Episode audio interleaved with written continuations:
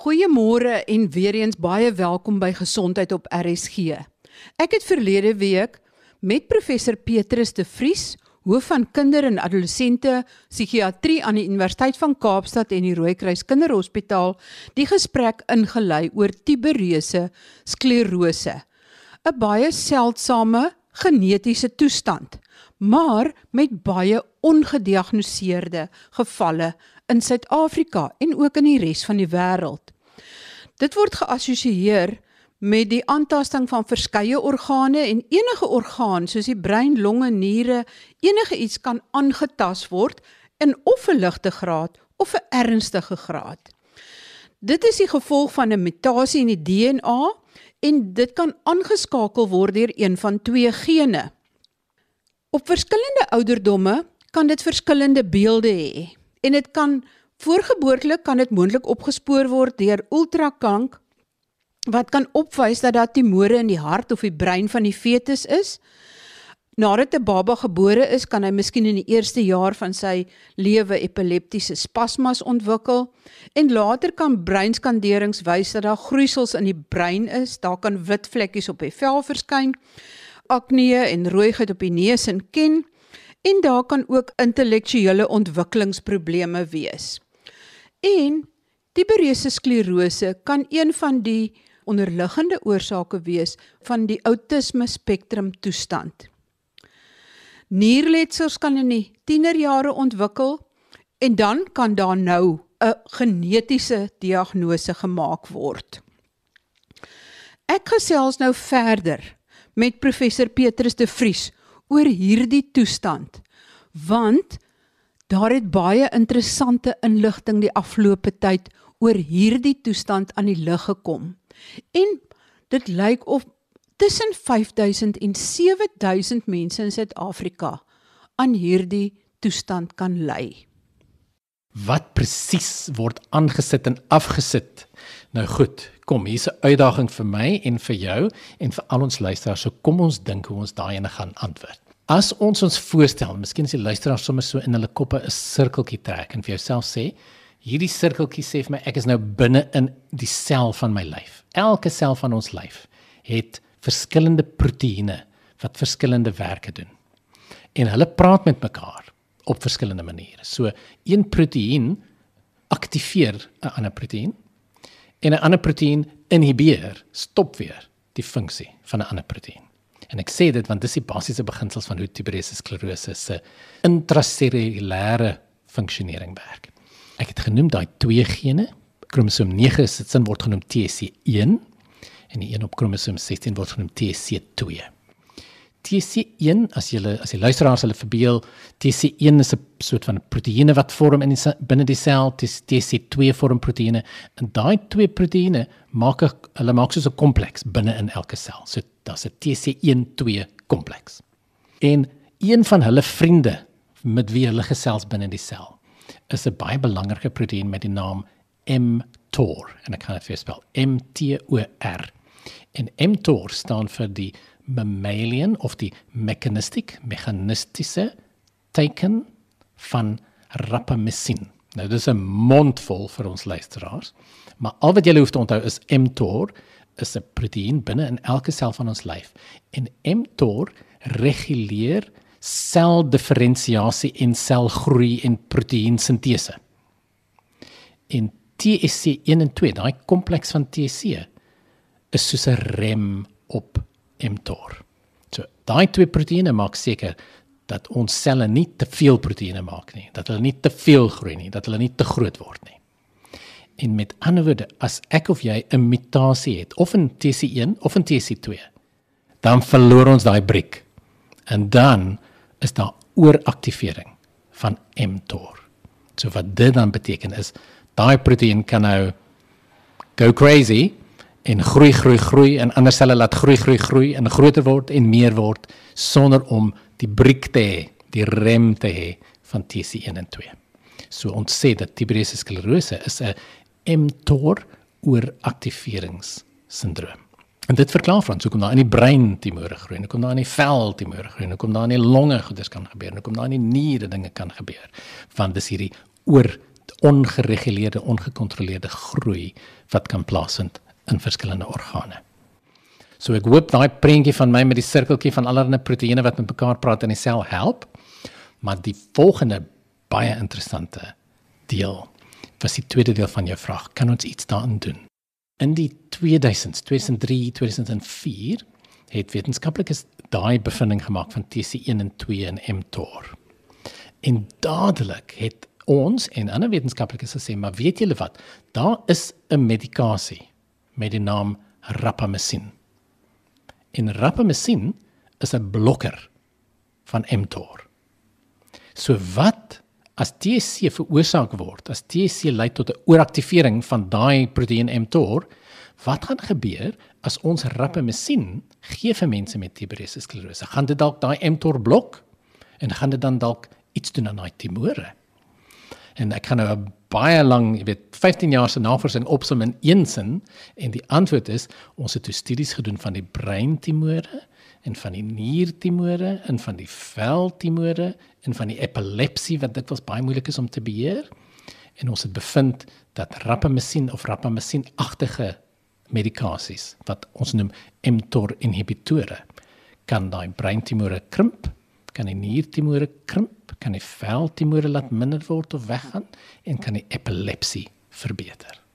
So dis 'n ongelooflike verandering in die behandeling en in die begrip van tuberose sklerose. En tuberose sklerose is een van die min raar genetiese toestande waar ons nou 'n spesifieke wat ons noem 'n molekulêre getekende behandeling het wat daai kernsimptome kan verbeter. Wow, dis baie opwindende nuus. Jy het gesê dis baie raar. Hoe raar is dit werklik? Rariteit is 'n relatiewe ding.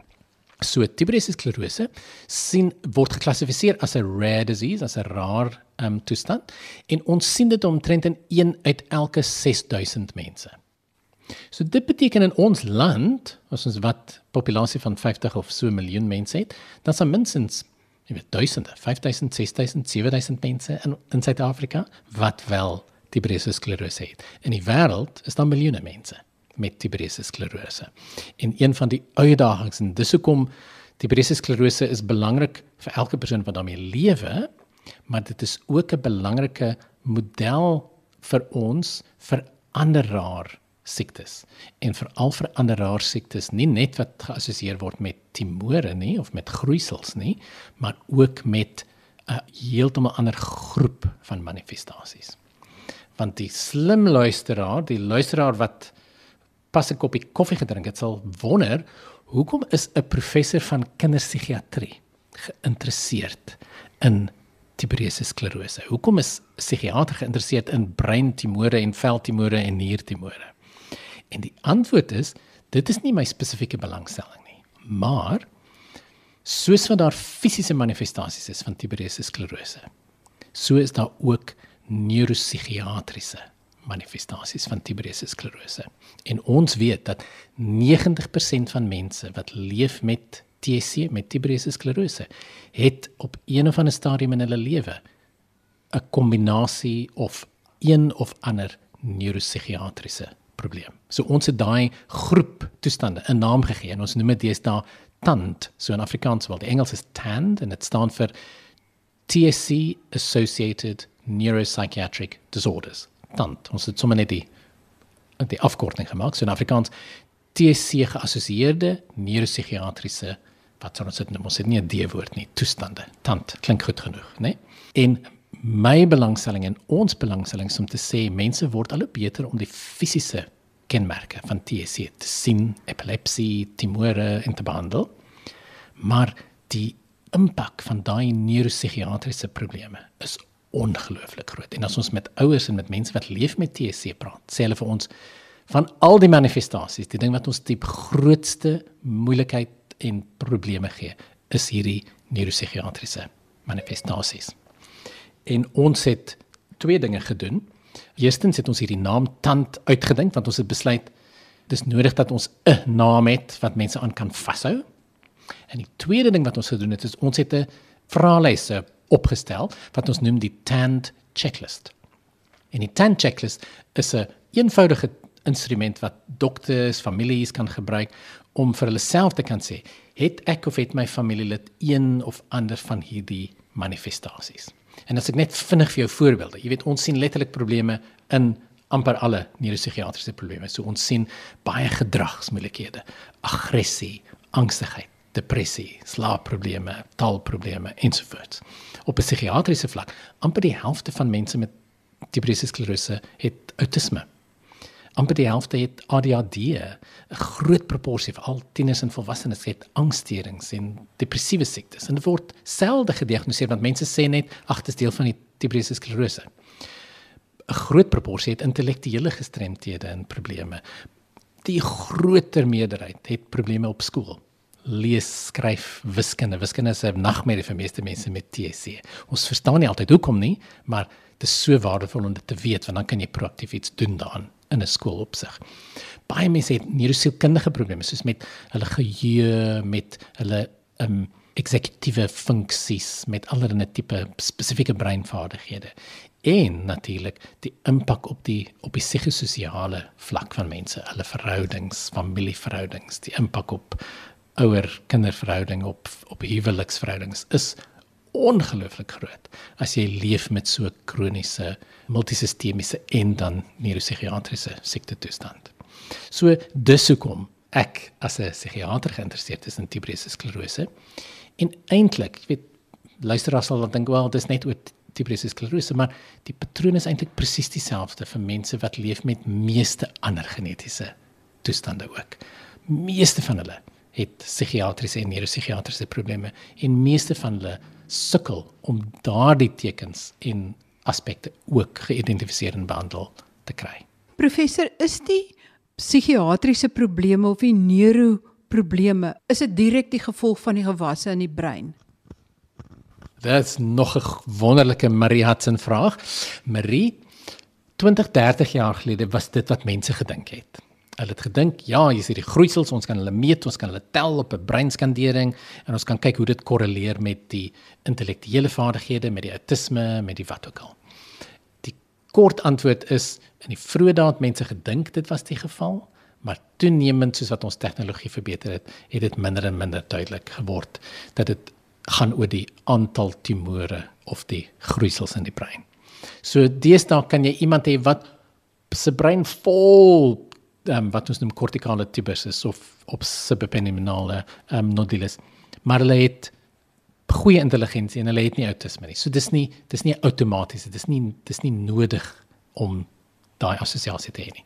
Die tweede vraag wat mense gevra het, ah, is dit miskien die epilepsie? Want ons weet mos epilepsie het baie neuropsigiatriese assosiasies. So die tweede idee wat mense gehad het is miskien is dit die epilepsie of miskien is dit die kombinasie van die epilepsie en die breingroeisels wat veroorsaak dat mense al hierdie neuropsigiatriese probleme kry. Weereens die die wetenskaplike bewyse ondersteun dit nie. Daar's mense met epilepsie wat dit nie het nie, daar's mense sonder epilepsie wat autisme en intellektuele en ander neuropsigiatriese probleme het. So dit was te eenvoudig. So dit was wat ons in Engels sê daai twee aspekte was neither necessary nor sufficient. Nie nodig nie en nie voldoende nie. En so toe die bewustheid kom van hierdie intrasellulêre prosesse van TC12 en daai proteïen mTOR waaroor ons gepraat het. Het ons, ek en kollegas en toe ont, ek was nog in Cambridge op daai stadium, het ons 'n hipotese voorgestel wat gesê het dat hierdie neuropsigiatriese probleme kan wees die direkte oorsaak van die molekulêre abnormaliteite en en versteurings in die selle van ons liggaam en in die selle van ons brein. En daarhalwe dat miskien kan ons ook hierdie neuropsigiatriese probleme behandel deur molekulêre behandelings soos vir die fisiese manifestasies. So twee antwoorde daar. Ek gaan eers die goeie nuus gee en dan die slegte nuus. Die goeie nuus is daar was toe heelwat dieremodelle. Baie van die luisteraars sou al geluister het na jy wat praat oor dieremodelle van verskillende siekte toestande. Dieremodelle van tuberose sklerose is toe opgestel en baie interessant genoeg daai dieremodelle het leerprobleme gehad. Hulle het geheueprobleme gehad, hulle het aandagprobleme gehad, hulle het sosiale probleme, soos mense met autisme gehad. En toe hulle rapamycin, daai mTOR inhibitore gegee is, het daai leerprobleme weggegaan en het die sosiale probleme verbeter. Toe jy kan sien hoe dit dit minstens daai hipotese van ons dat dit 'n direkte molekulêre pad kan wees dat dit dit beter gemaak het. Toe het ons en ander mense natuurlik baie opgewonde geword en gedink, okay, right. Nou kom ons gee dit vir mense met TSC en dan gaan al hierdie probleme weggaan. Ongelukkig was die navorsing wat ons tot dusver gedoen het nog nie so duidelik nie. En ek dink deel daarvan is nommer 1 Jy weet wanneer mense sulke studies doen, doen hulle dit onder baie gekontroleerde toestande. Dis net vir 3 maande of 6 maande en 'n mens se brein werk nie so nie. Jy weet mense is so verskillend en divers dat 'n persoon as jy of ek TSC het, is ons baie anders as daai muismodel van TSC wat spesifiek ons weet wat was die abnormaliteit en wat die res van hulle genetiese patrone en agtergrond is. So op die oomblik is die bewyse gemeng. Party mense lyk of hulle baat vind teen dit vir hulle neuropsigiatriese probleme, ander nie. Maar minstens wat ons kan sien is dat wanneer ons hierdie byvoorbeeld epilepsie verbeter, gewoonlik sien ons positiewe groei in ander aspekte ook. So dit is navorsing wat nog aangaan. Maar terwyl ons, weet, hierdie molekulêre dinge is baie interessant. En ek werk baie met mense in die TC gemeenskap ook oral oor die, in die wêreld. En mense het ons gesê dis baie interessant, maar weet jy ons wil nou maniere hê om hierdie tandprobleme te identifiseer. En ons wil nou weet wat ons kan doen. Wat kan ons as ouers doen? Wat kan ons by die huis doen om hierdie neuropsigiatriese manifestasies makliker te maak of beter te verstaan? En dit was vreeslik belangrike terugvoer vir ons, want 'n mens kan as 'n wetenskaplike kan jy partykeer 'n bietjie jy weet oor opgewonde raak oor iets wat geneties of biologies of molekulêr klink en vergeet van die die hoofbehoeftes van mense wat leef met hierdie genetiese toestande. Dit het gelei tot 'n nuwe studie wat ek begin het met kollegas in België en ons het nou 'n span van navors mede-navorsers van 25 of 26 mense van 10 of 11 lande in die wêreld. En ons noem dit die tandem projek. So tand, jy kan hoor dis die tand van die die manifestasies tandem want ons noem dit empowering families met tuberose sklerose. En wat families vir ons gesê het is nommer 1, kan julle vir ons daai 10 checklist wat julle gemaak het, kan julle vir ons eene maak wat ons self kan invul. So ons het 'n self-report, um self-invul weergawe gemaak. Die tweede ding is ouers het vir ons gesê, "En kan julle dit vir ons sit op 'n op 'n smartphone, op 'n slimfoon, op 'n app dat ons dit kan invul op die app en dat die app dadelik vir ons kan sê wat is my profiel of my kind se profiel van tand." En ons is besig om daai app te bou.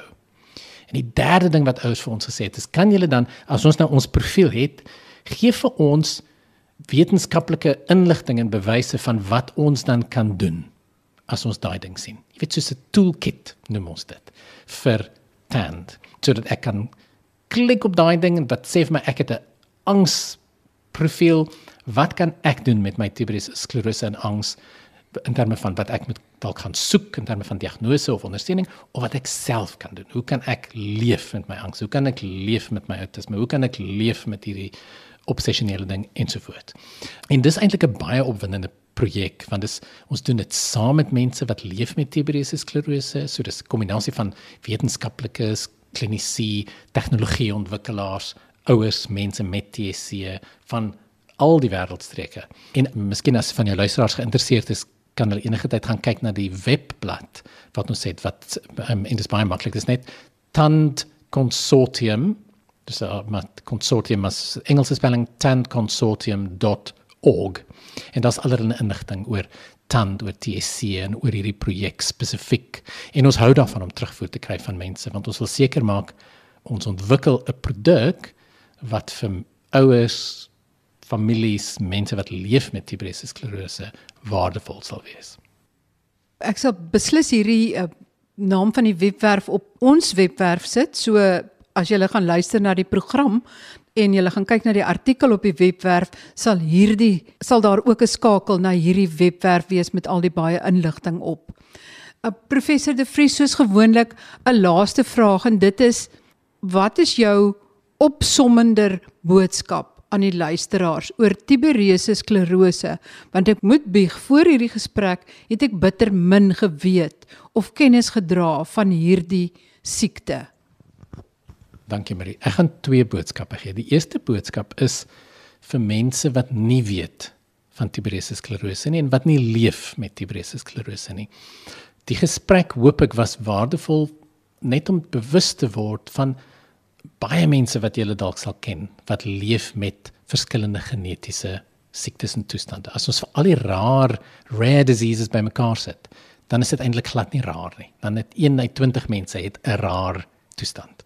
So net vir 'n bietjie bewustheid, begrip en begrip dat dit nie net fisiese manifestasies vir mense gee nie, maar ook baie prominente neuropsigiatriese manifestasies sodat dit regtig mense se lewens kan affekteer um, op 'n fisiese en op op 'n psigologiese manier. So net daai begrip.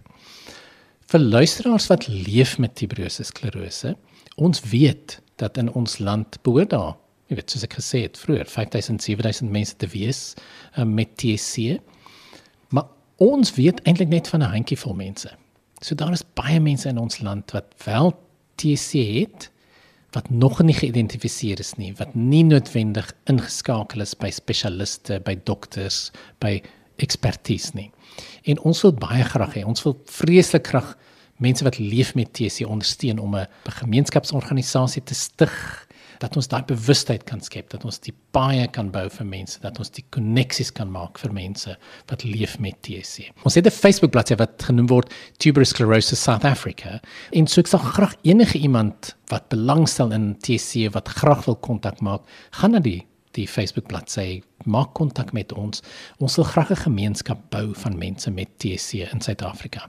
En ons wil graag mense aan mekaar verbind wat dalk mekaar kan ondersteun ook as ouers as mense wat leef met TSC. En die laaste opmerking maar ek dink dis ongelooflik hoe as ons regtig versigtig en mooi dink uit, uit 'n wetenskaplike oogpunt hoe hoe baie waardevolle lesse ons kan leer by sindrome by toestande soos tuberose sklerose wat waardevol is vir mense met TSC om hulle lewe te verbeter met medikasies maar wat ook vir ons kan brûe bou ander genetiese toestande want hierdie proteïene waarvan ons gepraat het hierdie medikasies het moontlike toepassing in neurofibromatose en baie ander toestande in fragile X dalk selfs in autisme en ander neuropsigiatriese toestande. So die moontlikhede wat dit oopmaak dis soos 'n stukkie van die van die legkaart wat TSC baie waardevolle rol kan speel in terme van ander toestande waarmee ons ook sukkel om antwoorde te kry, behandelings te kry en te verstaan. Baie dankie aan my gas vandag. Dit was professor Petrus de Vries, hoof van kinder- en adolessente psigiatrie aan die Universiteit van Kaapstad en ook die Rooikruis Kinderhospitaal. Gaan kyk gerus op RSG se webblad want ek het die skakels na die Facebook bladsy en ook na die webbladsy waar jy meer inligting kan kry daar gelaai en maak gerus kontak met my of professor De Vries as jy vermoed dat jy 'n familielid het of enige iemand ken wat moontlik aan tuberose sklerose kan ly sodat daar 'n goeie gemeenskap en ondersteuningsgroep vir mense wat aan hierdie toestand ly geskep kan word en uitgebrei kan word. Tot volgende week dan wanneer ons weer oor gesondheidsake gesels. Groete van my, Marie Hudson.